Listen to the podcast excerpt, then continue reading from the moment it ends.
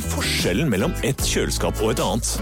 En vaskemaskin og en annen. Denne oppvaskmaskinen i stedet for den. Velger du Bosch, får du slitesterke produkter som verken sløser med vann eller energi.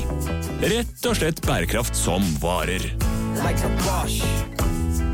Vi i Rema 1000 kutter igjen prisene, nå på en mengde påskefavoritter. Du får f.eks. minst 25% priskutt på appelsiner i løsvekt, familiepakning med vaffelmiks fra Toro, tipakk Rige kakao fra Freia og andre påskefavoritter. Alt dette og enda flere priskutt på minst 25 For det er sluttsummen på påskehandelen som teller. Og husk at vi fortsatt har fryst prisen på over 1000 varer. Nå lønner det seg å hamstre påskekosen hos Ark. Ark inviterer nemlig til påskefest med skremmende bra nyheter, pocket fra 99 og 40% på alle spill og puslespill. Ark-påske betyr rett og slett mye påske for pengene. Så fyll opp med påskens favoritter i nærmeste Ark-butikk eller på ark.no. Bli med inn i hodet til John Ausonius. Bedre kjent som Lasermannen. Han nøt å se seg selv på nyhetene, men han var ikke fornøyd. Han skulle jo drepe. Det samme året skulle han skyte to mennesker til, før han omsider oppnådde målet om å drepe. Hør på innsiden av Psykohoder med Jonas Alf Oftebro og rettspsykolog Susanne Nordby Johansen. Gratis der du hører podkast.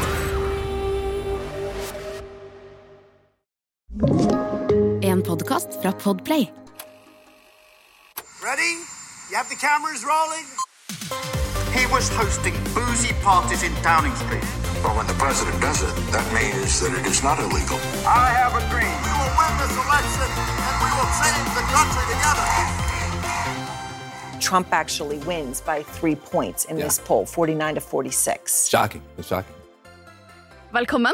Velkommen. Mitt navn er Sofie Høgestøl. Og mitt navn er Eirik Bergesen. Og dette er vårt nokså uhøytidelige, veldig personlige forsøk på å gå bak ukas nyheter, lete etter sammenhenger, si noe om framtiden, på jakt etter det store bildet, slik vi ser det. Hver fredag. Ja. Og i dag Denne har vi gleda oss til, og det er litt sånn rart å si, for at det tror jeg ikke vi har sagt eller tenkt på lenge, fordi verden er som den er. Eh, og så kan man samtidig si at eh, det vi nå gleder oss til, eh, burde vi faktisk glede oss til det. Fordi iallfall den tittelforslaget som du sendte meg i dag morges, for å, ordentlig tabloid, for å skremme lytterne skikkelig, handler jo om at det er ett år til valget i USA, og Trump leder. Så vi skal Eller det vil si, det er 360 dager. Det er et sånt nettsted som har sånn countdown timer, som jeg fulgte i 2020. Og jeg har ikke vært inne på den nettsiden siden da, men jeg var inne på den i går. For nå er det på tide. Nå er det, det betyr at det er bare, og det er dager. Det betyr at det er bare fem dager mindre eh, på å hindre, for eksempel for de som måtte ønske det, eh, Donald Trump å bli USAs første president. Fordi det som overhenger eh, henger over og skygger kanskje over eh, nå, er altså La oss bare begynne med begynnelsen. På meningsmålingene, vi skal gå inn i detaljene i det, så leder eh, Donald Trump over Biden nasjonalt og i nesten alle de viktigste vippestatene. Så Ja. vi skal forklare Og litt noen litt, meningsmålinger som kom ut denne uken. Ja. Så vårt lille bilde denne uken Før jeg går inn i mitt lille bilde, så vil jeg egentlig bare benytte anledningen til å takke Jeg fikk så mange hyggelige meldinger fra lyttere etter at vi sa at jeg er gravid. Ja. Og det var så hyggelig, og jeg har ikke svart på alle ennå, men jeg skal svare. Og jeg, jeg glemte å si det forrige uke, men det, det varmet skikkelig. Så tusen takk. Um, det varmet skikkelig. Jeg har vært litt av sosiale medier, eller Facebook, de siste to ukene, eller siden da, for jeg har liksom fått beskjed om å jobbe mindre. Så jeg har prøvd å være mye strengere med skjermtid. Men sånn, er det én grunn til at jeg sliter med å være streng med skjermtid, så er det jo USA-valget. For nå føler jeg at nå er vi på nytt inn i en sånn uke hvor veldig mye skjer, og det skjer jo ofte på ugunstige tider norsk tid. Hvor man må liksom Jeg har prøvd å ikke um, sjekke mobilen første timen etter jeg står opp.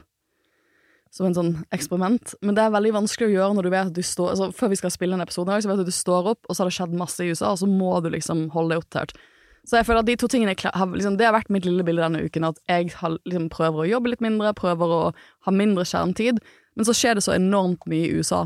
Denne uken er det også På disse tider for fire år siden så var jeg i USA på et sånt tre ukers valgseminar i regi av det amerikanske utenriksdepartementet, eh, som var kjempespennende. For det at, eh, dette har jo ikke blitt dekket så mye i norsk media, for det er selvfølgelig andre ting som har opptatt eh, norsk media utenrikspolitisk denne uken, forståelig nok. Jeg er veldig glad for at du gjorde en spesialepisode på tirsdag eh, som ga oss et nærmere innblikk i hva som skjer Mm. diplomatisk mellom i FN nå eh, vis-à-vis Palestina og Israel. Um, sånn at vi har fått utkvittert en sånn episode denne uken. Eh, men Dere har ikke fått utkvittert ja, alt som i alle, skjer i, alle fall, FN. i alle fall vi, vi, vi kunne liksom ikke Jeg, jeg syns det var viktig å ha en episode Ja, om det. helt- helt sånn at vi kan ha en rendyrket USA-episode i dag. Helt For Og det å blande de to temaene, det tror ikke jeg er greie å gjøre. Nei. Men på tirsdag så var det jo valg i USA. Og det har ikke blitt dekket. Det ble dekket litt i Norge. Um, men det er jo slik at det er valg i en del delstater i mellomvalgsår. Um, og for fire år siden så var jeg i USA og så på, det, så på det valget i forskjellige delstater i da november 2019. Uh, så jeg fikk opp en del sånne sånne uh, memories på sånne bilder sånn, på Facebook og sånne ting, av det jeg gjorde denne uken for fire år siden.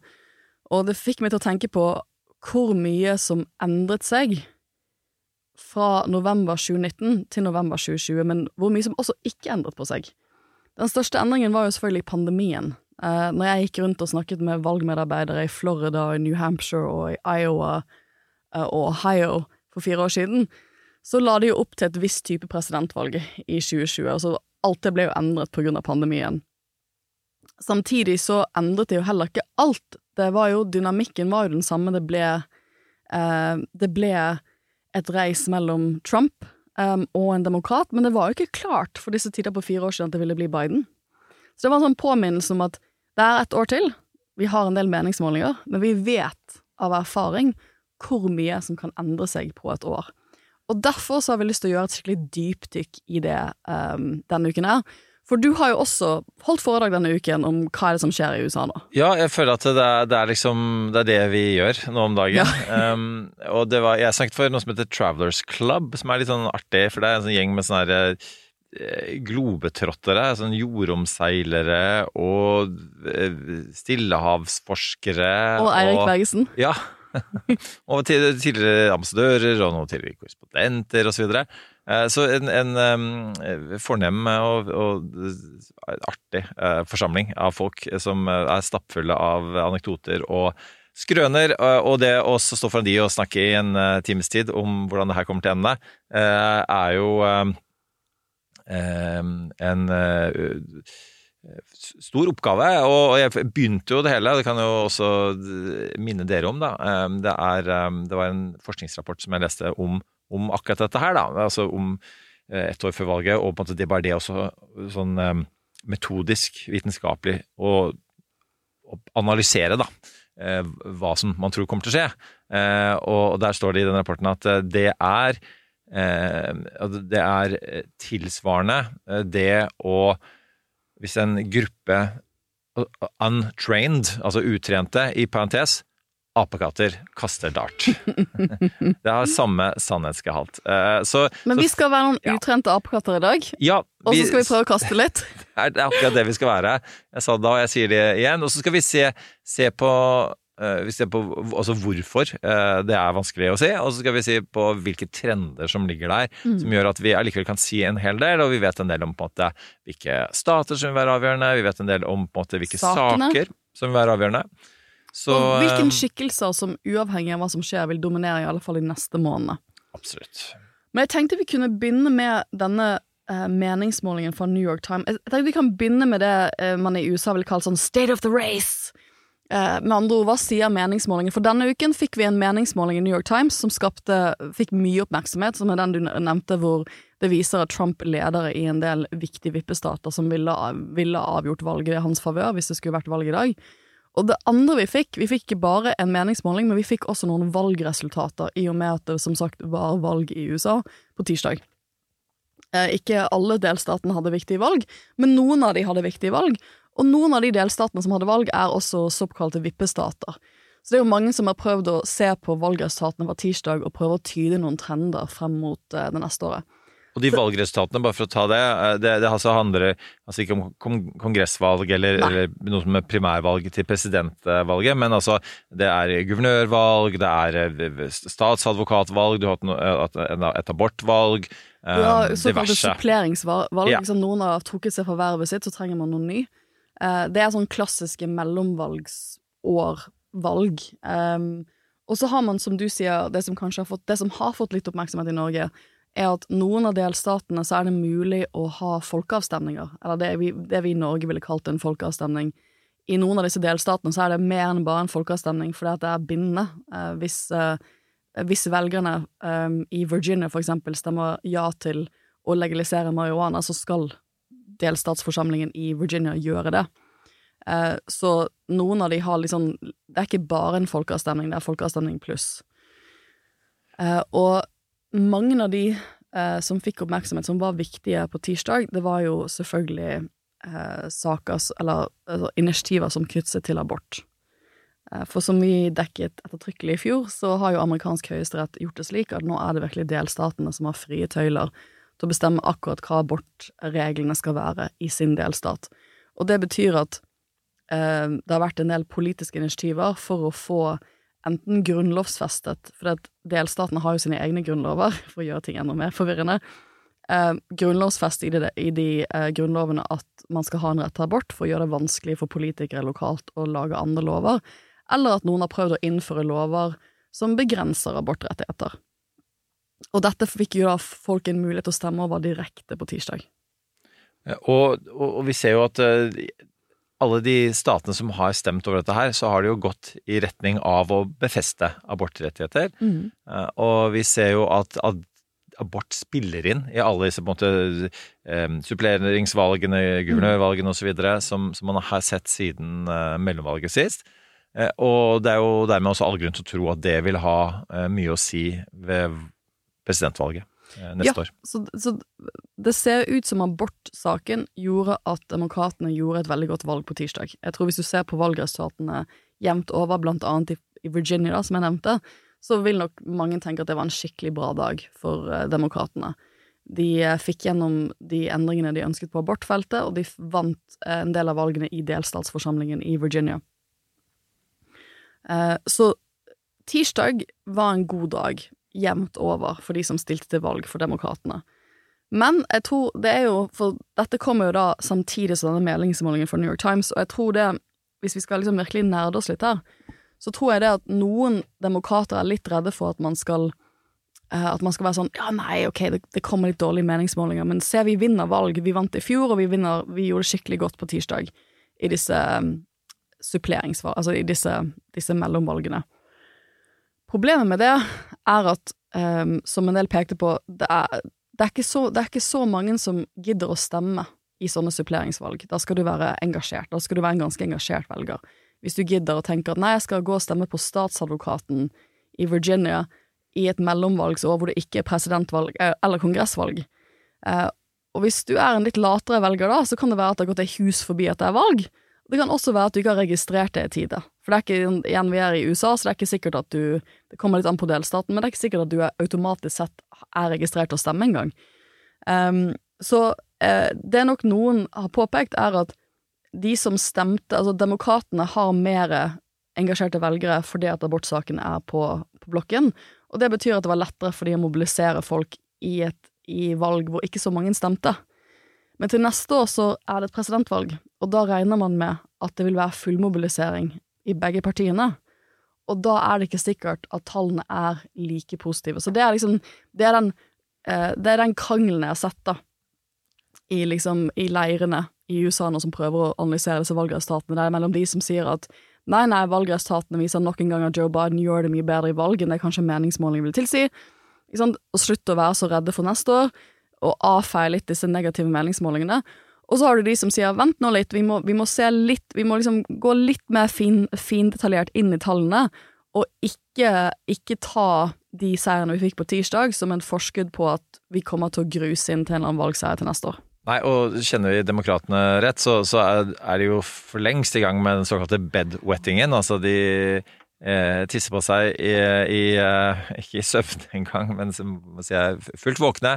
Eh, og, og, det er um, Eh, og, og de, de, det ligger veldig til demokratene. og Denne gangen er det jo all grunn til å gjøre det. altså Bare fordi du er paranoid, betyr ikke det at det er, ikke er noen som er etter deg. Eh, og så, men så har du den andre siden som du sier, at, at Biden er, er det én ting han er bra til, så er det å vinne valg. Um, kommentator Ron Klein sa en gang at uh, 'Never underestimate how underestimated Biden is'. Eh, og han, eh, han, han, har mye trening med å sette sammen koalisjoner og trykke på de rette knappene i riktig tid. Men det som først og fremst skremmer folk, da, for vi, vi, man får mye oppmerksomhet rundt disse her disse her nasjonale målingene.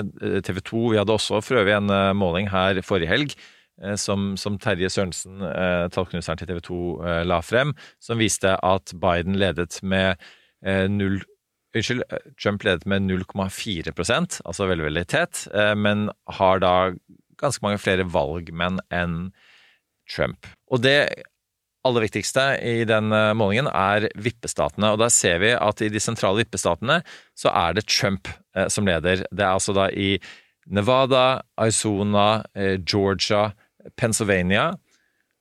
Og eh, Biden leder så vidt i Wisconsin, og så har han ledet til Michigan, men eh, og Vi skal ikke snakke, vi skal ikke som du sa i stad, blande inn eh, krigen i Gaza så mye i dette her, men der er det mange arabiske amerikanere som gjør at han har falt fra 40% oppslutning til under 10 Så vet jeg at det er en del som kommer til å skje i den regionen som han kan, kan få æren for, men foreløpig ligger han veldig dårlig an der.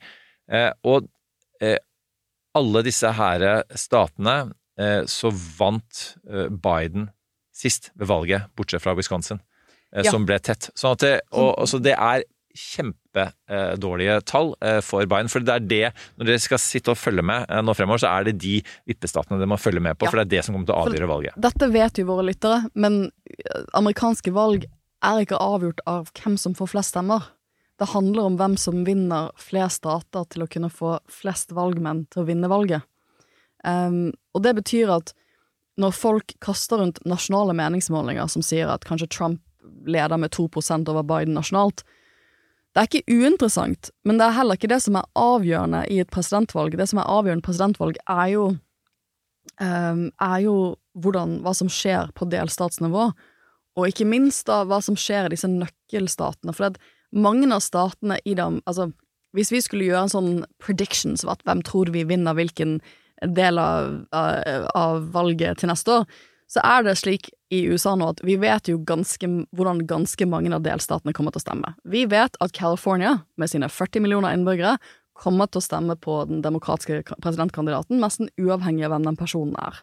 Og det gjør jo f.eks. at republikanerne ikke engang driver valgkamp der. Og Nei. tilsvarende også for eh, demokratene i andre stater. Og litt det samme i South Dakota. Jeg tror ikke Joe Biden kommer til å bruke mye tid i South Dakota. For det, det, er ikke en delstat som eh, demokratene har vunnet i moderne tid, eller vinner i disse dager. Så det betyr at du må liksom sortere bort alle de delstatene som er såkalte sikre blå stater, som demokratene vet at de kommer vi til å vinne lett, og de som er sikre røde stater. Og når man har sortert bort de, de delstatene, så er det ikke 50 delstater som avgjør her. Det er eh, et fåtall delstater, kanskje ti stykker, som er i midten av kartet, og som kan svinge begge veier. Det er derfor vi kaller det svingstater. Og så selve, selve, presidentvalget står jo om de nøkkelstatene, det er derfor vi bruker så mye tid på å snakke om de. Eh, og de har ikke endret seg i så stor grad siden presidentvalget for fire år siden, som du sier. Det er derfor New York Times har brukt tid på å da få meningsmålinger i hver av disse seks vippestatene, som da viser at uh, Trump leder i fem av de. Og i noen så har han ganske stor, altså det er ganske stor margin. I Nevada, for eksempel, så ha, sier deres meningsmåling at han leder med 10% og det er ganske, det er ganske heftig. Um, og det er 6% i Georgia, for eksempel, og 5% i Arizona. Uh, og det er hvis, hvis det er slik hvis dette skulle stemme, så vinner ikke Joe Biden presidentvalget til neste år. Og derfor har dette fått mye oppmerksomhet i USA. Og så vet vi at det er ikke presidentvalg eh, i dag, Nei. Eh, eller denne uka, og, og det, er, eh, det, er, først om, om, et år. Og det er først altså, da siste stemme er avgitt, eller siste, siste stemme er telt, og det kan være mange dager etter valget, at vi, vi får svaret. Og det vi uansett vet med stallen her, er at det kommer til å bli kjempejevnt. Altså, det er kommer ikke til å være på noe tidspunkt mulig å si at nei, nei, nei, Trump har ikke sjans, eller, eller motsatt, at, at, Biden har ikke sjans. Kommer til å være kjempe, kjempetett. Eh, og det som kanskje, hvis du går igjen bak tallene også, det som er litt sånn skremmende da, eh, for, for demokratene, det er Du nevner Nevada, ikke sant, hvor, de, hvor Biden gjør det veldig dårlig nå. Nevada er en veldig multietnisk stat, um, og der er det Da gjør han det dårlig, ikke bare i, eh, blant velgere med latinamerikansk herkomst. Eh, og det så vi litt ved valget sist også. Florida gjorde både eh, Trump og DeSantis det bra, og, de eh, Jeg skal ikke generalisere for mye her, men, det er enkelte eh, med den slags herkomst som ikke bryr seg så mye om eh, at Trump er litt sånn ekstra macho i måten han forholder seg til kvinner på, f.eks. Um, men så ser vi også at Eh, det svarte, og ikke minst en del unge svarte, eh, plutselig ikke bare ikke vil stemme på Biden, men plutselig går over til å ville stemme på Trump. Og det er veldig alarmerende. Mens i Wisconsin, som er den eneste vippestaten per nå hvor Biden leder, den er ganske kritthvitt.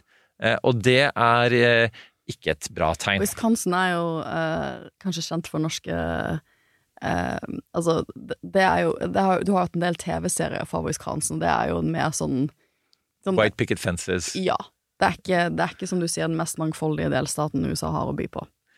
Og så er det jo på en måte altså Det som jo gjorde at Biden i det hele tatt vant uh, presidentvalget sist, men også um, primærvalget til demokratene opp mot Bernie Sanders, som, som var populær uh, blant ikke mange unge, mange progressive, var jo nettopp de svarte sin stemme. Fordi de har ikke glemt at han var visepresidenten til USAs første svarte president. Men det begynner å bli noen år siden, eh, ja. så det kan hende at det eh, tærer litt, litt, på. Men det skal sies at en av de sånn så igjen, Vi fikk en meningsmåling og valgres, noen valgresultat på denne uken i USA. Og en av de tingene som var litt interessant med de valgresultatene vi fikk, det var jo at i Kentucky så ble det en demokratisk guvernør gjenvalgt som heter Andy Bashir. Og han er jo allerede spådd som en sånn skikkelig eh, fremtidskandidat for 2028. Jeg så en rekke intervjuer med han Eh, etter han vant. For Kentucky er jo Man tenker jo på Kentucky som en delstat man ikke har sjanse til å vinne, og Kentucky Jeg husker ikke hvor mange prosentdeler av stemmene som Trump fikk, men han, han, gruste jo Biden i Kentucky. Det var ikke en jevn Det er sånn Jeg tenker på det som en sånn rød stat som det ikke er så mye vits i å bruke valgkampmidler på, for du kommer ikke til å vinne uansett. Eh, og det er jo litt den type personer folk ser etter nå. Hvem kan vinne røde stater, for eksempel? Og Andy Bashir uh, får nå gjenvalg som guvernør, vil da sitte åtte år. Um, så han er en sånn kommende mulighet Vi har jo snakket om disse guvernørstjernene til uh, demokratene, og han er en ny sånn guvernørstjerne som nok ikke gjør seg gjeldende til neste år, for han fikk masse spørsmål om det. Har du vurdert å stille i 2024? Og det avfeide han glatt, og sa nei, nei, jeg skal fokusere på å gjøre den delstaten min jeg elsker så mye bedre. Eh, klassiske sånn politikersvar. Men holdt døren veldig åpen for 2028 på den andre siden en fyr som, eh, som eh, på republikansk side liksom blitt trukket fram som en mulig sånn savior fra Trump, er jo Glenn Youngkin i Virginia. Men Glenn Youngkin, som er eh, guvernør der, han gjorde jo et dårlig valg. Han satte prestisjen sin bak et sånt abortlovforslag som ble nedstemt, som han tapte. Uh, og han har jo prøvd å selge det litt inn, sånn som jeg, når jeg har sett han snakke om det, som at dette er det moderate Altså vanlige velgere vil egentlig ha denne abortløsningen som jeg fremmer nå. Det tapte han på. Og han tapte også hele del, altså flertallet i delstatsforsamlingen sin, som betyr at han ikke kommer til å ha like mye makt i årene som kommer.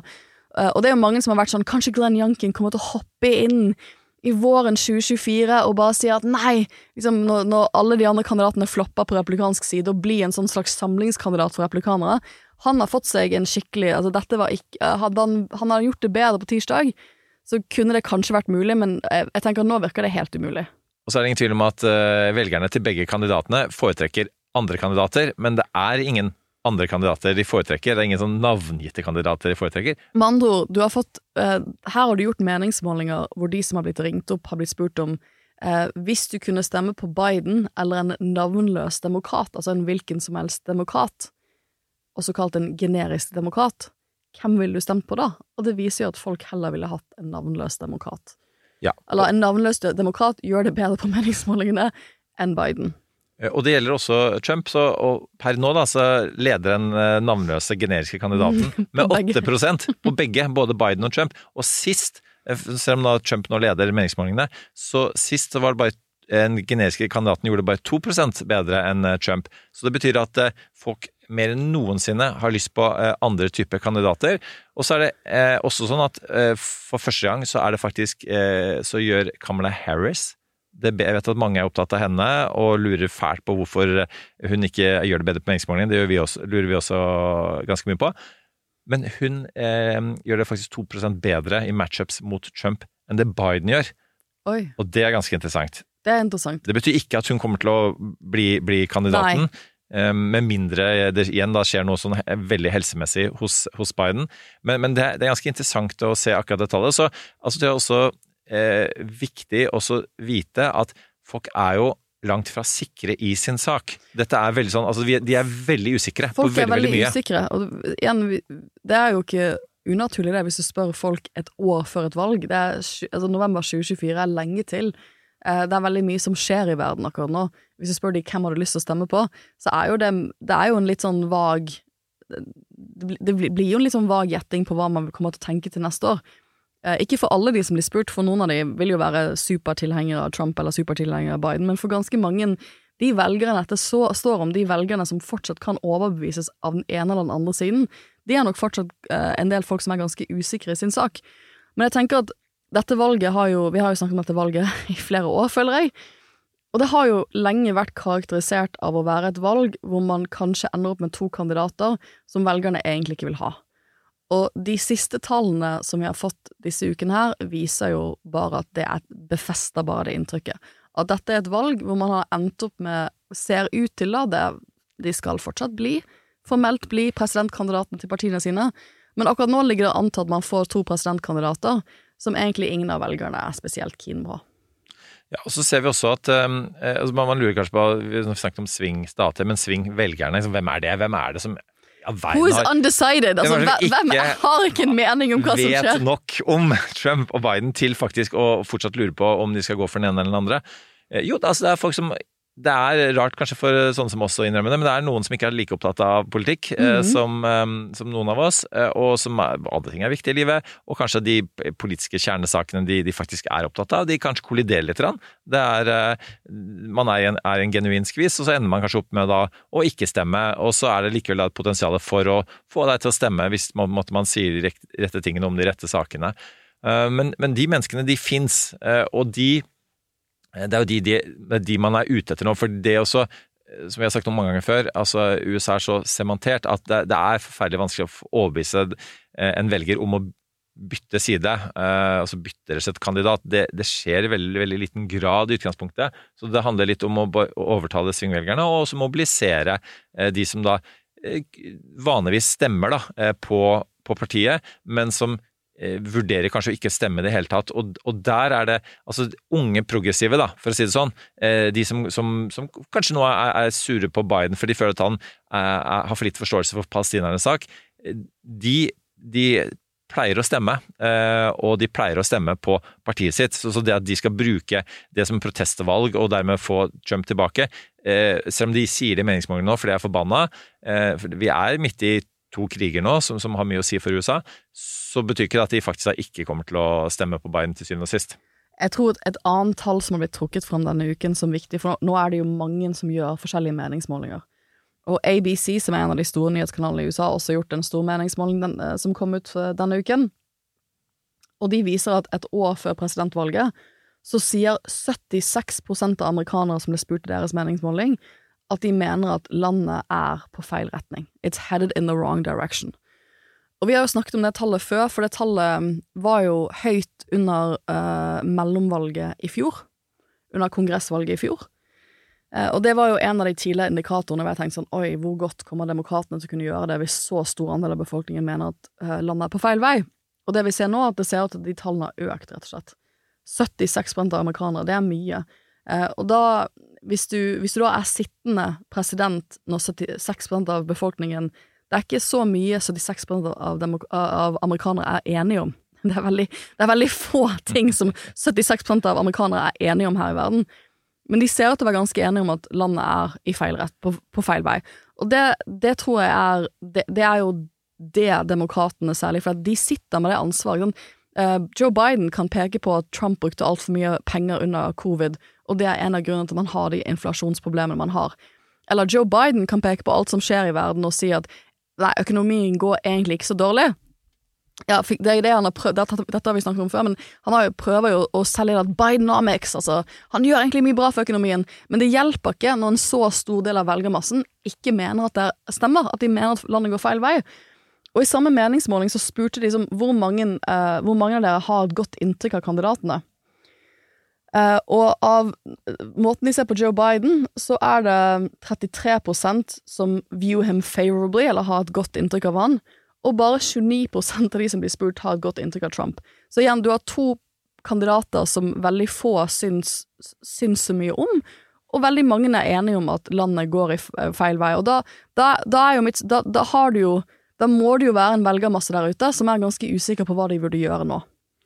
Ja, og så er det dårlige tider eh, i USA, og det er ikke bare si, amerikanerne eller, eller Biden sin feil. Du har, du, har, disse to, to krigene som, som, USA bruker mye penger på, brenner mye politisk kapital på. og så det og så har man ikke glemt eh, pandemien. Man, eh, pandemien varte lengre eh, i USA enn det gjorde her. Eh, og, og noen, noen, av tiltakene var mer inngripende enn her. Og dette er jo et land hvor mange, også på venstresiden, helst vil være i fred fra, fra staten. sånn at det, det, gjorde inntrykk på folk. Og så har du Altså, altså, hjemløshet, um, eh, veldig stor og ukontrollert delvis innvandring fra, fra sør. Eh, du har eh, opiodkrisen. Eh, det er mange ting som, som folk er, er, opptatt av. Så er, det, altså er det jo ikke minst eh, økonomien. Også, selv om inflasjonen har gått ned, eh, og sannsynligvis vil fortsette å gå ned, så har ikke prisene gått ned.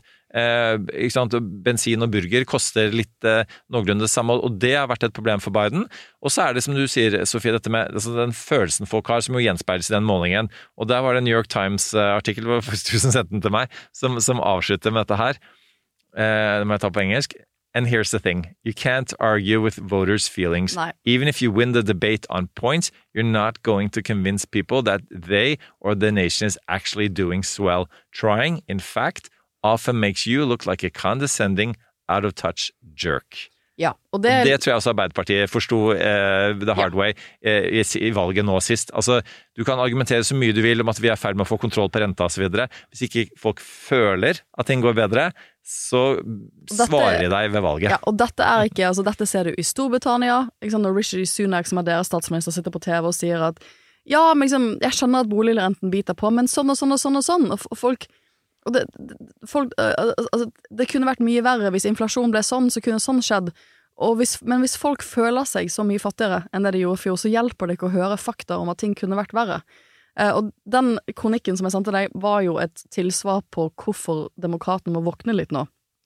Fordi at litt av strategien til Biden har jo nok vært å prøve å belære folk i at ja, det virker som Ja, ja, jeg skjønner at du føler at uh, penge, altså, pengepungen ikke strekker så langt til som den gjorde for to år siden, men det kunne vært så mye verre. Og her er alle de belærende grunnene til at det kunne vært verre, og her er alle tingene jeg har gjort, ikke minst, du burde egentlig takke meg. Og det funker ikke, og det er litt det du sier, at det funker Du, du må uh, Og hva er det Trump er flink på? Følelser. Han er flink på følelser, han er flink på å um, Og han er flink på å lodde en stemning. Uh, og hvis, når jeg får spørsmål nå hvorfor gjør Trump det så godt, jo, fordi at en del amerikanere, pragmatiske Vi tror jo også at særlig de av oss som er politisk aktive, har en tendens til å tro at folk er veldig sånn De har harde politiske ståsted, at de er liksom veldig sånn opptatt av politiske dogmer, eller liksom er opptatt av om de er sosialdemokrat eller liksom konservative. Og noen folk er det, men veldig mange velgere har ikke kategorisert seg ideologisk. Er så, det, er ikke, det, er ikke, sånn de går rundt og De går ikke rundt og tenker sånn ideologiske båser som eh, partipolitiske aktive folk ofte gjør.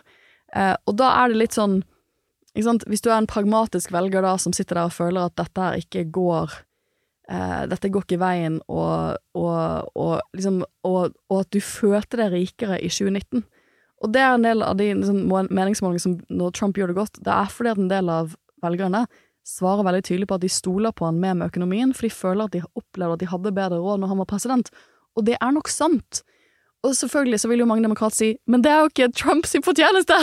Det, det, kan du ikke, du kan ikke tenke sånn! Men folk opplever det sånn, og det, og det er litt det de må prøve å justere det neste året. Ja, og det er jo dette som egentlig er kjernen i, i populistisk politikk, og ikke minst Trumps populistiske politikk, er jo på en måte at han også ved valget i 2016 på at han forsto eh, velgernes bekymringer bedre enn det Hillary gjorde, ikke sant. Og han, eh, han snakket om at, eh, at den amerikanske drømmen er borte osv., og, så og, og det var nok vanskelig for en Hillary og, og en demokrat å, å, innrømme, men det er det noe som, som, veldig mange føler på. Og det viser jo for så vidt tallene også, at man, denne generasjonen kommer til å få det verre enn foreldrene gjorde. Og, og det er klart at det går, går inn på folk. og så altså Det Trump er, er god på, er, er, å vite hva som er populært. ikke Er, da blir du en god populist da, av det. Og, og, og, det er en av tingene man tror man undervurderer Trump på. Og, for, og et konkret eksempel på det er at han har skjønt at eh, abortspørsmålet ikke er populært. Ja, og det er litt morsomt, for at grunnen til at det er abortspørsmål i så mange delstater nå, er av Trump. Det er fordi Trump fikk til et konservativt flertall i amerikansk høyesterett. Det, og det, det, var jo løftet. Jeg skal få til konservative dommere, sånn at de blant annet kan oppheve denne høyesterettsdommen. Og det gjorde de. Hadde et stor politisk seier. Men det som er litt morsomt nå, er at Trump skjønner jo at velgerne vil jo egentlig ikke ha det. Velgerne har ikke lyst til å ha abortion bans. Så han springer egentlig fra hans egen politiske seier, fordi at han er, som du sier, ganske flink til å lodde visse typer stemninger, og skjønner at det er Han skjønner det en del folk i hans eget parti ikke har skjønt, og det er at det er ikke populært å prøve å begrense disse abortrettighetene på den måten de gjør. Men det, det, som han er smart på, for at amerikansk politikk er jo flippfloppernes eh, hjemland. ikke sant? Så han, Grunnen til at han måtte gjøre det, var jo for å få inn de evangelikale. Altså hvordan i verden skal du få altså, ultrakonservative, eh, moralistiske velgere til å stemme på deg når du er en eh, har en råtten moral selv, og har vært gift mange ganger og vært utro med å betale hysjpenger til en pornoskuespiller med valgkampmidler osv., mens eh, kona di hadde lite barn hjemme. Jo, det er å, ved å gi de eh, ikke bare konservative dommere, men konservative dommere som vil eh, kaste Roe versus Wade og, og, og, ta bort abort for halvparten av amerikanske kvinner.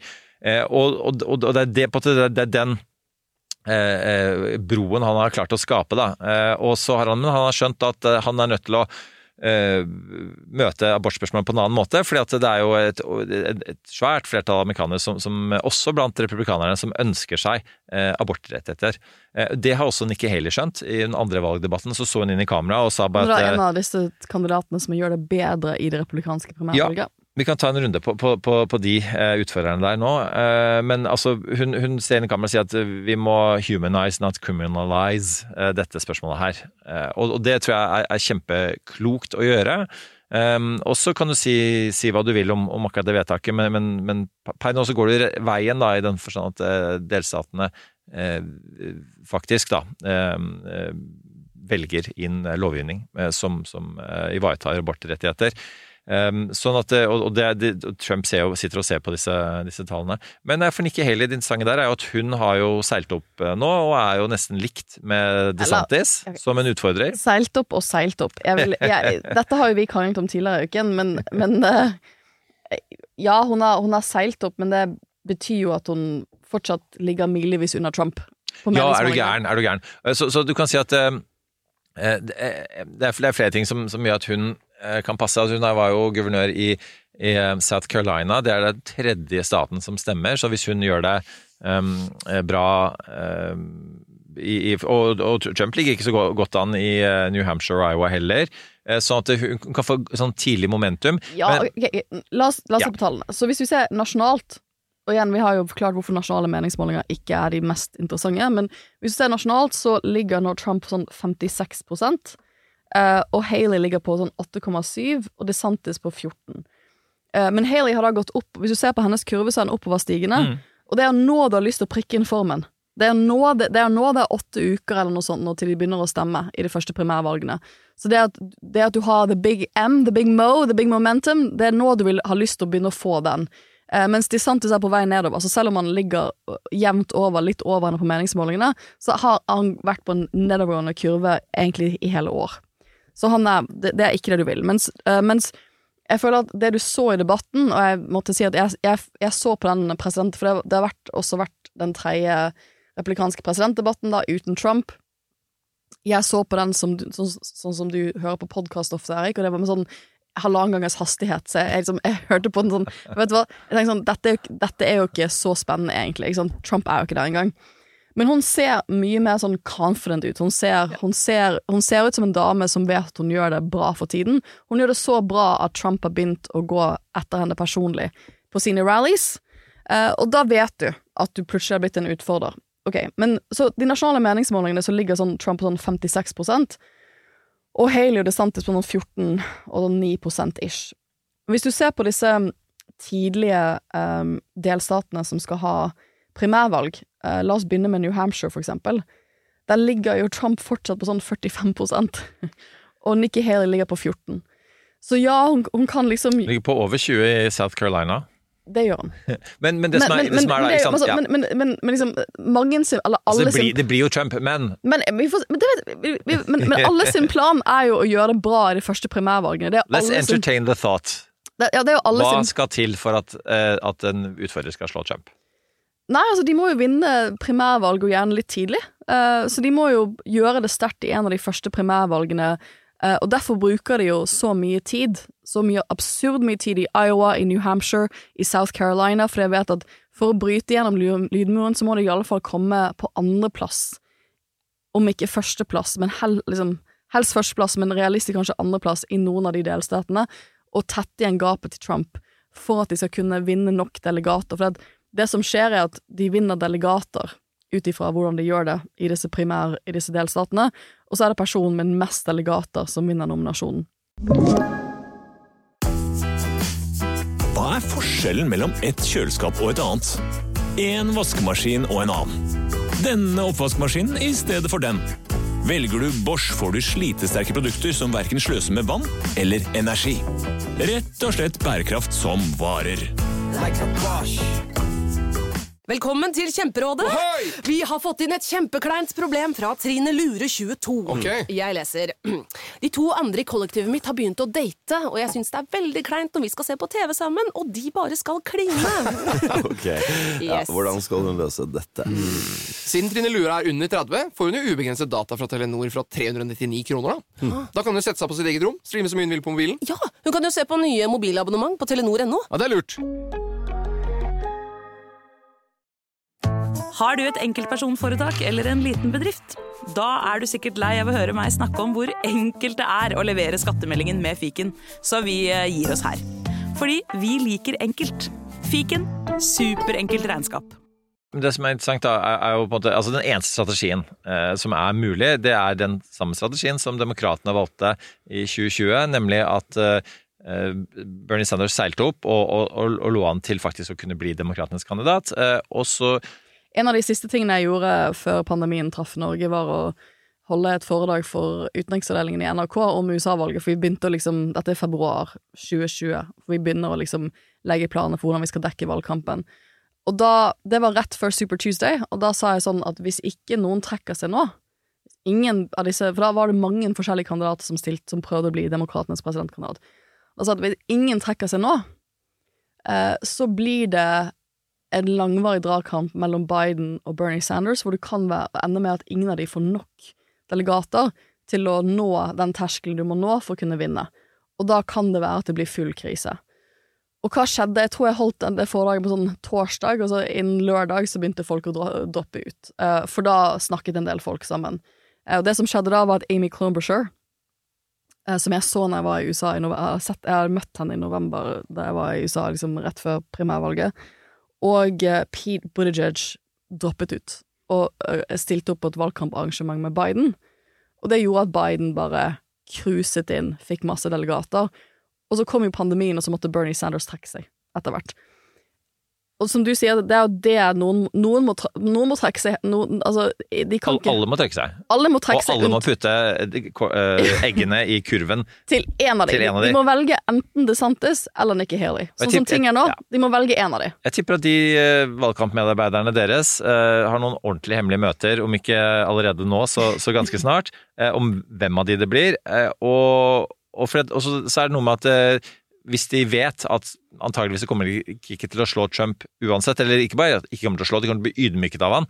Den ydmykelsen ønsker de ikke, for de har lyst til å stille igjen senere. De er jo rimelig unge begge to. De er begge unge nok til å stille i 2028, så det, det jo, de må også balanse De må ta noen veivalg nå på om de har lyst til å virkelig gå inn i primærvalget og faktisk tape de.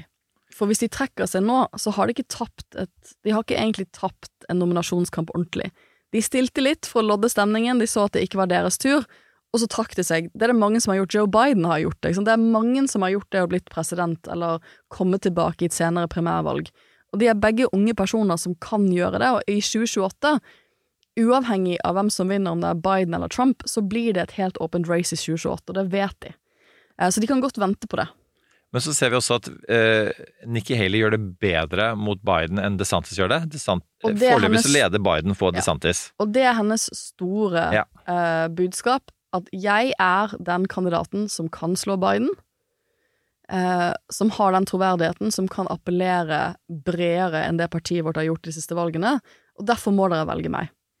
Og det ene tallet, som, som, for de av dere som fortsatt er urolige, det er all grunn til å være urolig, eh, men hvis jeg, hvis jeg vil ha et tall da, som kan betrygge deg litt, i hvert fall ta dere gjennom helgen, eh, og som, som... og for, for, for våre Trump-lyttere, våre, våre Trump-tilhengerlyttere, dere kan gå inn i helgen med god ro. Det kan dere. Men hvis dere vil uroe dere over noe, så er det dette tallet. Nemlig at hvis Trump dømmes i rettssakene sine, og det er sånn uvisst akkurat hvor mange av de, de fire kommende straffesakene Han har på en måte allerede tapt de to sivile som har vært nå. Så vil 6% av Trumps velgere stemme på Biden, og da snur det det bildet helt og fullstendig. Da er det plutselig Biden som leder med ganske god margin. For, så for det, det, er, liksom, det store X-faktoren her. Det, det, er nok um, Jeg hørte på Pod Save America, det er ikke alltid jeg hører på dem, men jeg hørte liksom hva de syns om debatten, og hva de syns om jeg, jeg, hørte mest på denne uken fordi jeg ville vite hva de syns om meningsmålingene. Og de var også ganske sobre. De var sånn Ja, vi gjorde det relativt bra um, på tirsdag, men det er en del grunner til at vi ikke skal ta den seieren for god fisk frem mot 20... Det er, det er ingen grunn til at vi skal ta den seieren der og avlyse en del av uroen som eksisterer rundt de meningsmålingene. Eh, vi må ta det på, på alvor. Det syns jeg var interessant, for de er, jo, de er jo virkelig viktige stemmer innad i, demo, i, det demokratiske partiet. Men deres konklusjon også etter å ha sett debatten, er at det virker jo som de fleste av de som henger igjen nå, henger igjen som backup-kandidater. De ser at de har ikke nødvendigvis en veldig stor sjanse til å vinne primærvalget i form av å få delegater og vinne, slå Trump men de henger rundt i tilfelle Trump ender opp i fengsel. Som en slags nødløsning for partiet. Eh, men igjen, jeg er helt enig med deg at i en ideell verden, hvis det, hvis det er virkelig strategien deres, så må nok Nikki Haley og DeSantis snakker sammen, og så må de velge én av dem. De, og, og, Tim Scott, stakkars, vi ikke aldri får snakket om. Jeg, jeg tror jeg sa han annonserte seg selv at jeg kan begynne å snakke om han noen Du har hatt så lyst til å snakke om Tim Scott så lenge. jeg, skal snakke, jeg skal begynne å snakke om han når, når, han har, eh, når, han får mer enn 2% på meningsmålingen. Det har han aldri gjort, stakkars. Men gode nyheter for Tim Scott. Han har fått seg kjæreste. Det, var, det, var en, det, det synes jeg var en av de mer interessante tingene som skjedde under presidentdebatten, var at han eh, mot slutten tok opp kjæresten sin på skje. Det har vært mye sånn spekulasjoner om han har kjæreste eller ikke. Så det er jo hyggelig at han Han gjør det ikke bra på meningsmålingene, men han gjør det godt i kjærlighetslivet. Det er det er i alle fall noe. Den Tinder-kontoen med Black Republican er litt uh, kinkig. Det, ja. Um, men altså det som er interessant da, med, med akkurat den gjengen der, Pod Save America-gjengen, er jo Eh, deres um, tidligere kollega David Axelrod, som var en, en sånn uh, spinndoktor for Obama, gikk jo ut denne uken her med en tweet og sa at kanskje Biden burde trekke seg, i den forstand at han må stille seg spørsmålet er, er, er, er, det sånn at landet er tjent med at jeg stiller, er det sånn at jeg er tjent med at jeg stiller? Du må velge mellom Eh, deg og landet. Eh, og det er ganske Det tror jeg ikke Biden sine folk var Nei, veldig David glad for. David Axelrod er jo en ekstremt viktig stemme. Jeg er helt sikker på at mange av lytterne våre har sett ham på CNN, for eksempel, hvor jeg antar at CNN betaler han masse, masse penger for å stille opp som, som ekspertkommentator. Men han er jo mannen bak Obama. Så når han sier noe, så er det toneangivende, også kanskje ekstra vondt fordi at han, eh, han har denne relasjonen til Obama-kampanjen, som da også er helt avgjørende for Biden. Det var jo sånn Biden kom inn i toppolitikk som, uh, uh, som Obamas visepresident. Men det, det, er jo litt det som er interessant, at norsk, det er jo signaler fra begge sider her. Så vi skal ikke bruke mer tid på, på denne debatten enn det, den var ikke så interessant. Men det spørsmålet er jo om, om noen av disse Hvis det ikke skal bli Trump, så kan det være at det blir en av disse backup-kandidatene, og da er kanskje Nikki Haley the flavor of the week. Men igjen, det er mange uker igjen til hun må være the flavor altså det, det, er jo problemet når du blir favoritt dark horsen, som hun kanskje er akkurat denne uken. Det er jo at Da kommer Trump til å bruke all tiden sin på det, og det er det han har begynt å gjøre. Han kaller henne en spurv, ikke det? det han, han har liksom begynt med sånn kallenavn, og hun kommer nok til å få mer kritisk oppmerksomhet og det er en bra ting for, at, eh, for henne, for da vet hun at han tar henne på alvor. Absolutt. Eh, så, men hun må jo da holde det gående i åtte uker til, og det kan det godt være at hun gjør. Men dette er jo en, grunne, en av grunnene til at de kandidatene ikke har angrepet Trump like mye som man Nei. trodde at man ville gjøre. For de vil ha med seg noen av Trump-velgerne hvis de havner i den eh, situasjonen. Hvis de havner i den situasjonen, så, så må de kunne gå ut på en scene idet Trump blir dratt inn i arresten og se preget og lei seg ut for at Trump blir arrestert, og si at det er kjempesynd at han har blitt dømt i disse straffesakene, men nå trenger vi å samle landet, og vi trenger å samle partiet, og da er det jeg som må bli presidentkandidaten til partiet i lys av at Trump skal i fengsel. Men da trenger de jo, for å kunne vinne valget, så trenger de jo fortsatt å beholde mye av hans velgere, så det er derfor de går denne liksom, litt sånn stramme linjen hvor på den ene siden så prøver både Nikki Haley og DeSantis i økende grad å kommunisere at tiden har gått forbi Trump, vi må gå videre som parti. Samtidig kan det ikke frastøtte seg alle velgerne hans. Så det, ja. Men en ting til om det som Axrod sier. for at uh, Verken han eller David Ignatius i Washington Post, som også har kommentert på dette, betviler på en måte de politiske merittene til Biden i en vanskelig og polarisert politisk landskap. Men de, det, er, er, alderen de tar opp.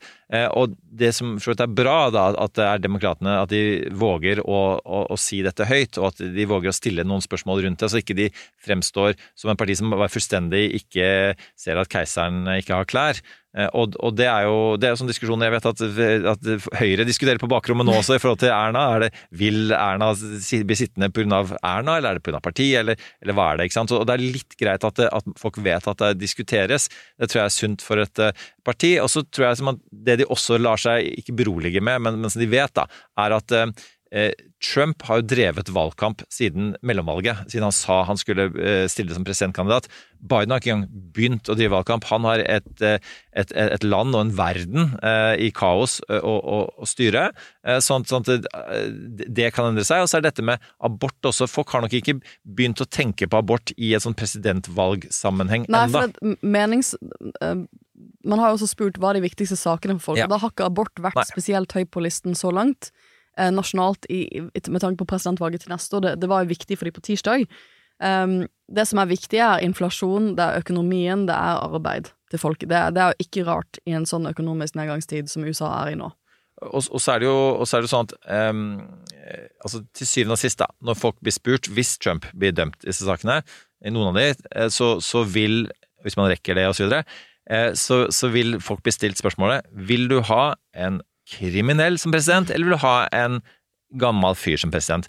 Da kan det være at mange nok vil si ja, det foretrekker han som er litt eldre, enn han som er litt mer kriminell. Jo, men hvis du da har solgt inn alle tilhengerne dine på at du er egentlig en falsk straffesak mot deg, som er blitt brukt av Biden for å få deg ut av et presidentløp, sånn at, ikke, sånn at du ikke vinner valget over han, da, da, er vi tilbake til folk, hvordan folk ser på de straffesakene, og de, folk ser jo veldig ulikt på de straffesakene. Og en, en, annen ting i forhold til de straffesakene, er det den som ikke er blitt straffesak, aldri kommer til å bli straffesak, men folk allikevel føler burde ha vært det, eh, mange nok, er jo Hunter Biden-saken, mm. som over halvparten av velgerne i USA mener at, og tror at Biden har tjent økonomisk på Hunter Bidens eh, forretningseventyr. Ja. Og, og det, det, tallet er vanskelig hva, å gjøre noe med. Det, hva var det Trump gjorde mot Hillary Clinton i 2016? Jo, han fikk malt henne som småkorrupt. Og han fikk malt henne som eh, dødssyk, til, det. altså, til dels. Sånn, det var jo konspirasjonsteorier rundt at eh, hun var skikkelig, skikkelig syk. I en del sånn ikke-krediterte medier, sånn News of the World-type forsider. Er bare google det. Bare google, google de, de, forsidene eksisterer. Um, og da, da, jeg ser at han tar den 2016-playbooken, right, dusting it right off, og maler uh, Biden som korrupt. Og han er jo skikkelig gammel. Og som, som, Det er jo det mange av de sier. Sånn, altså Biden kommer til å dø i neste presidentperiode. Så da vil jeg virkelig stemme på en kandidat som kanskje ikke kommer til å holde ut hele perioden. Og mannen som er redd for politisering av eh, påtalemyndighetene eh, var, sa også i tillegg til Crooked Hillary at 'lock her up'. Ja. Det skulle han han skulle Og- arrestere selv, sine meningsmotstandere. Det siste intervjuet jeg så med Trump, som han ga i går, tror jeg. For at, eh, det jeg liker med Trump, er at han er så, såpass smålig, men såpass sånn, sånn uh, Han er jo såpass slu, da, at det han har gjort denne uken for å passe på at motstandskandidaten hans ikke får nok presse rundt, deres, eh, rundt dette, denne debatten de hadde, det er at han har stilt opp masse andre intervjuer samtidig som de har hatt debatter, og han, han stjeler jo hele mediesøkslyset. Men en av de tingene han skal ha sagt i et intervju, jeg tror i går, det er at um, det er at eh, han har fått masse direkte spørsmål om hvordan han, har, om han kunne tenke seg å bruke FBI, altså politiet, politisk for å straffe sine eh, fiender, eh, eller for å komme med hevn, hvis han blir gjenvalgt, og det er han veldig åpen, det er en tanke han er veldig åpen for. Så det, det, da er vi litt tilbake til lock her up, altså. Det, det, jeg synes det er sånn påfallende likhetstrekk med 2016 som man kan trekke inn i valget sånn som det ser ut nå. Men når det er sagt, det, er veldig, det, det jeg syns er, er spennende med denne valgkampen så langt, er at akkurat nå så peker alt på at det blir Biden, og det blir Trump, og det blir en rematch. Og du har en sånn historisk fakta, Ja. sånn fun fact om Det er jo veldig lenge siden man har en rematch av noen som har møttes før i et presidentvalg. Det har knapt skjedd i moderne tid. Når er siste det skjedde i USA? Det var i eh, 1956, ja. og det var eh, andre av to matcher mellom eh, Dwight Eisenhower og Adlai Stevenson. Den første var fire år før. Eh, Eisenhower vant begge eh, veldig klart. Mens eh, hvis man går tilbake, det har vært syv rematcher i eh, presidenthistorien. Eh, Hvis vi går tilbake til Grover Cleveland versus Benjamin Harrison 88 eh, og eh, 1892 så, eh, så, så sa annet kona til Grover Cleveland at da han tapte første gangen mot Benjamin Harrison at, eh, til White House staff at bare sånn der Take good care of the furniture and ornaments in the house, for jeg kommer tilbake. Eh, Og det, det gjorde hun. Og så Det hele begynte for øvrig da med John Adams og Thomas Jefferson i eh, 1796, og, og så da vant hvor Adams vant, og så vant Jefferson i 1880. Og, og den, eh, det, den valgkampen, hvis folk husker tilbake til det, den var, eh, den var eh, omtrent like røff som denne. Og da ble faktisk altså Kritikerne til Jefferson de mente at the election would lead to murder, robbery, rape, adultery and incest. Mens eh, Adams sine kritikere mente at eh, han prøvde å få en av sine sønner til å gifte seg med en av døtrene til king George 3. for å lage et amerikansk konstitusjonelt monarki med britene. Så det var nok konspirasjonsteorier da også. Eh, men nå skal jeg bygge en bro. Bygge en bro. Ja, fordi at Vi må runde- vi må- ja, vi må runde av sånn vi må, ja. vi må runde av med, med Har Biden noen potensielle utfordrere? Og når var det sist at, um, eh, at eh, han, altså en, en incumbent, altså en sittende president, ble utfordret av noen fra eget parti? Jo, i 1980 så ble en svak eh, Carter utfordret av Ted Kennedy. Altså den yngste av de Kennedy-brødrene. Og eh, som vi vet, så, så tapte jo Kennedy, men eh, han svekket Biden, eh, Carter nok. Og Carter tapte, så det sang. Ja, og, og det var jo mye Carters egen fortjeneste, for han, han eh, fikk denne gisseltakingssaken i Teheran, som han håndterte ganske bra til å begynne med, faktisk. Så han, han gjorde det bra mot eh, Kennedy på meningsmålingene, men så begynte han å håndtere det veldig dårlig, og så eh, vant Kennedy frem, men ikke nok da, til, til å vinne, vinne valget. Sånn at det er eh, men, men det var jo en, en kjempeskandale at, at Kennedy eh, gjorde det. Og så har jo da en kar som nok kanskje ikke folk kanskje har fått med seg engang, Dean Phillips, en kongressrepresentant Ja, det, fra Minnesota, det har- det har blitt, nå stilt. Ja, det har ikke blitt så mye oppmerksomhet rundt det i norsk presse. Det er forståelig, for det, han kommer nok ikke til å vinne. Men, kanskje han trekker seg òg, for den saks Det kan godt være at han får jo massivt press, tror jeg, fra partiet sitt nå om å trekke seg. Eh, men det som er ukomfortabelt, tror jeg, for partiet, er jo at hans kampanjebudskap, og grunnen til at han, han sier at han stiller, er jo fordi Biden er for gammel. Så han snakker jo om at keiseren ikke har noen klær, eh, og det er ikke komfortabelt. Når han gjør det, så gjør det jo lettere, enda lettere for replikanerne å kaste seg på det. Så jeg tror nok en del opplever at dette er eh, selvskading, og også at hvis han først har åpnet opp muligheten for litt mer seriøse motstandskandidater i eh, deres primærvalg, hvem andre vil slenge seg på? Altså, åpner det en eller annen Er det andre som kunne tenke seg å gjøre det samme? Hvis, la meg spørre deg, da. Eh, Hvis, hvem hadde eh, Sånn todelt, da. Hvem hadde du ønsket deg skulle eh, stille i stedet for Biden, og hvem, hvem tror du også da implisitt har sjans, hvis Biden skulle åpne døra, da, til også å, faktisk slå han? Jeg tror det er litt av det som er problemet, at, at for det at hadde Biden gått ut i, i vår, i sånn ja, mai-juni, og sagt jeg stiller ikke til gjenvalg, så ville man kunne brukt siste halvåret på å få masse oppmerksomhet rundt en del av disse guvernørkandidatene som vi har snakket mye om tidligere. Gretchen Whitmer, for eksempel, i Michigan. Michigan, Som han må vinne, som nå ligger dårlig an? Ja. Uh, hun er jo da gjenvalgt guvernør der, så hun har vunnet en viktig stat. Josh Shapiro, Pennsylvania, Josh som han Shapiro, må vinne. Pennsylvania. Det er jo en del sånne typer skikkelser, men de har nok ikke nasjonal uh, profil nok til å kunne være kampdyktige.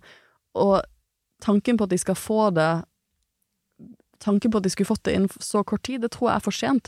Og det er litt det veivalget demokratene har gjort, da, ved at han ikke Ved at man ikke har trukket inn an, Eller ved at man ikke har åpnet opp for andre tidligere i prosessene, så skal det litt mye til for at en Gretchen Whitmer, som jeg tror en del vet, men jeg tror det er ganske mange amerikanere som ikke aner hvem hun er, eh, at hun skal bare slenge seg på nå og kunne ha noe sjanse, da.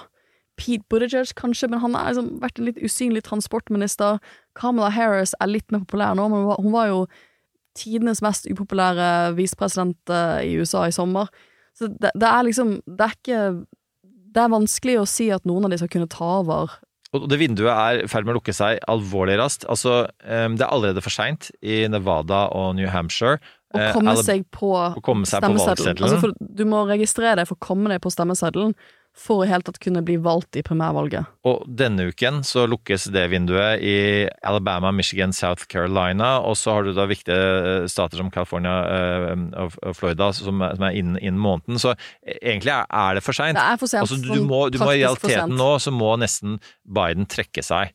Og så må, må, må partiet samle seg og, pe, og samle pengene. Ja, og finne en annen om, om prosess. En annen. Uh, det, så jeg tror ikke men, men, det er litt det, som hvis du spør meg what's the state of the race nå, det er nok at alt peker på at det blir Biden og Trump, men som vi har vært inne på før, eh, så er det så mange X-faktorer knyttet til alder, og knyttet til straffesakene, og knyttet til en del andre ting, ikke minst at de begge er upopulære, som gjør at det kan skje noe rart mot våren, at det kan komme en eller annen rar hendelse som endrer på ting.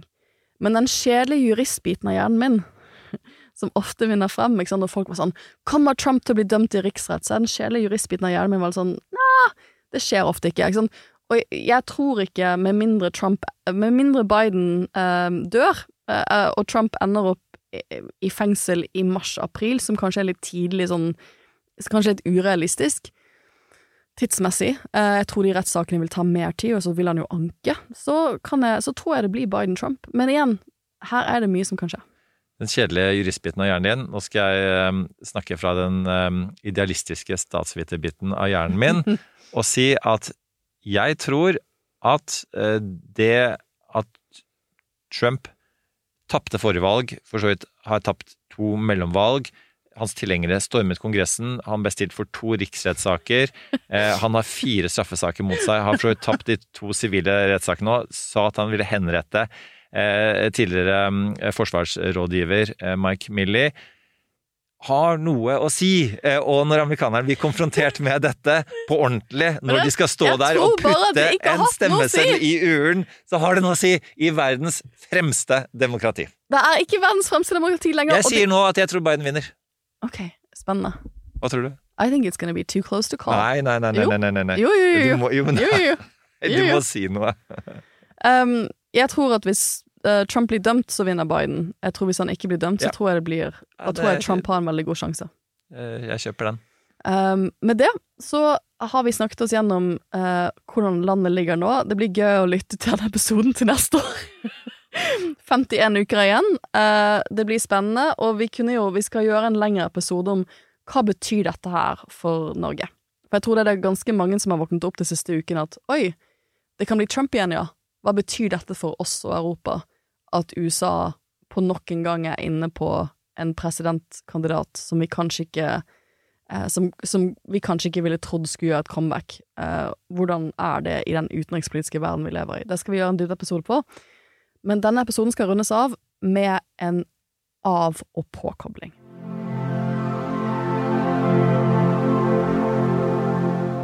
Og min av- og påkobling eh, Jeg har jo en samboer som, som uh, Jeg føler at jeg har litt sånn billig taste. Jeg føler at jeg har litt sånn jalla-taste på ganske mye forskjellig. Uh, liksom der du ofte liksom anbefaler storlitteratur, så, så anbefaler jeg lette Netflix-serier osv. Men han drar meg med på å se på eh, høykvalitetsfilm, som jeg er veldig takknemlig for. Eh, så i helgen så så vi Past Lives, som er en, en nydelig liten film som går på norske kinoer nå.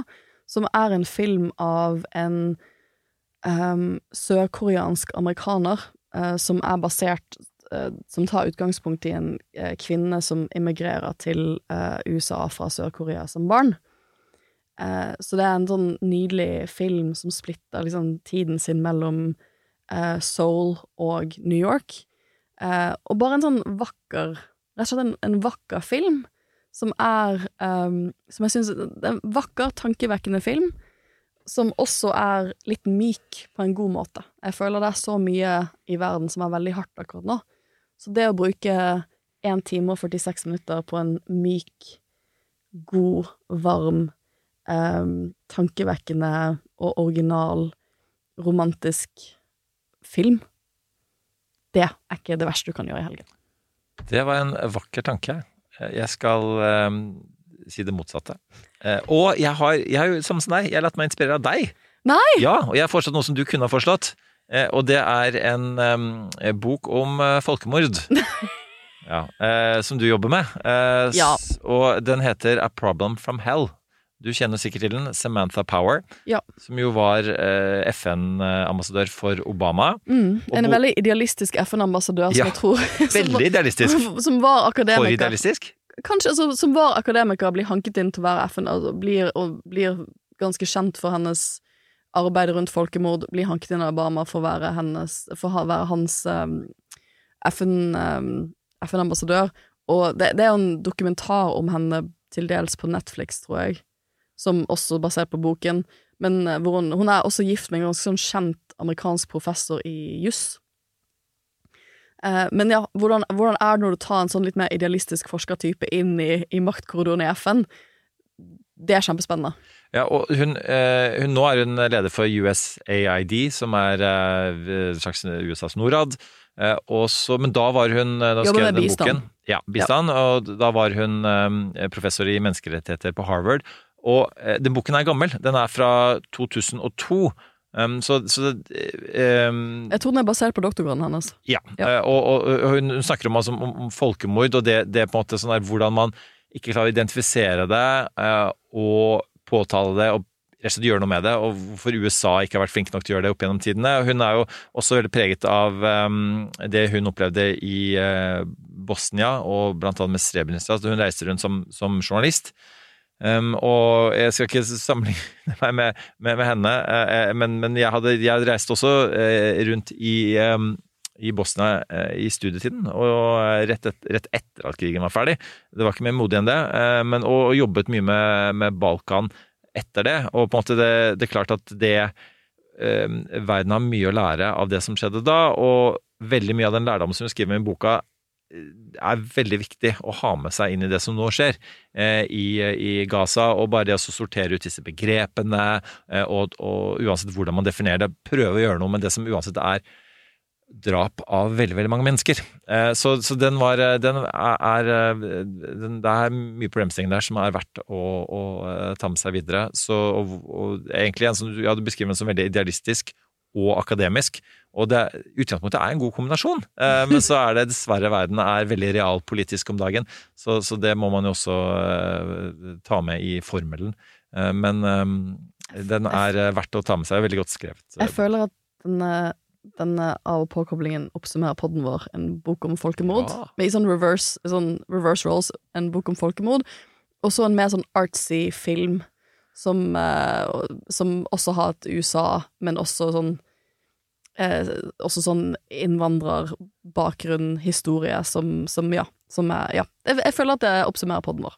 Og, eh, og, faktisk så klarte vi faktisk å lande ukas oppsummering ganske bra forrige, eller tidligere uka med Richard Gowan også, da, som jo er mannen som kan aller mest om disse tingene fra et FN-perspektiv. Som altså, eh, i ditt fravær, har én anbefaling, og den anbefalingen er Taylor Swifts siste, siste film.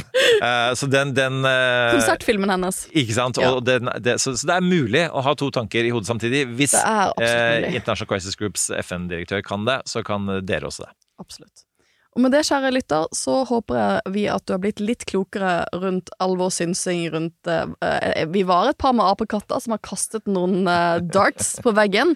Vi om ikke vi er utrente apekatter, så er vi trente apekatter. Vi er trente apekatter, men jeg vet ikke om en trent apekatt er så mye bedre enn en utrent apekatt. Når det kommer til et stykke. Uansett bedre enn ingenting. Eh, og eh, det er, det er tanker som er vel verdt å gjøre seg et år før valget. Uansett, for oss alle. Så tusen takk for at du hørte på. Tusen takk for at dere sendte inn spørsmål for øvrig også via Facebook-gruppen. Det må dere gjerne fortsette med å gjøre. Til nye temaer og nye gjester osv. Send forslag til gjester. Og tips eh, gjerne uh, og om podkasten vår til uh, de dere tror har nytte av det i en tid hvor det er vanskelig og Det er mange gode spørsmål og ikke så mange gode svar. Så lyttes vi til neste uke. Ha en flott kommende uke og helg. Du har hørt en podkast fra Podplay. En enklere måte å høre podkast på. Last ned appen Podplay eller se podplay.no. Ungsamtalen fra DNB er økonomisk veiledning tilpasset deg som er ung. Bokk en ungsamtale på dnb.no. slash ung. Det er kjempebra hvis du skal inn på boligmarkedet! Hvis det er drømmen din, liksom. Det er det du skulle sagt. Og så kunne du ropt litt mer, da, sånn som jeg gjorde. Bam! Oh. Skal du pusse opp eller bygge noe nytt? Ikke kast bort tid på å lete etter håndverkere selv. Gå inn på mittanbud.no og lag en beskrivelse av jobben du ville ha gjort. Så mottar du tilbud fra flere erfarne håndverkere som du kan sammenligne. Med mange tilbud er du sikrere på at du velger riktig bedrift, og at jobben blir skikkelig utført. Mittanbud.no få jobben gjort. Kiwi er billigst i VGs matbørs og har vært billigst i fire av de fem siste VGs matbørser. Og nå presser vi prisen på påskevarer fram til 1. april. På 591 gram Toro vaffelmiks presser vi prisen fra 35,90 helt ned til 26,90. På 410 gram Lerum jordbærsyltetøy presser vi prisen fra 29,40 helt ned til 22,90. For det er vi som er prispresserne. Og vi i Kiwi gir oss aldri på pris.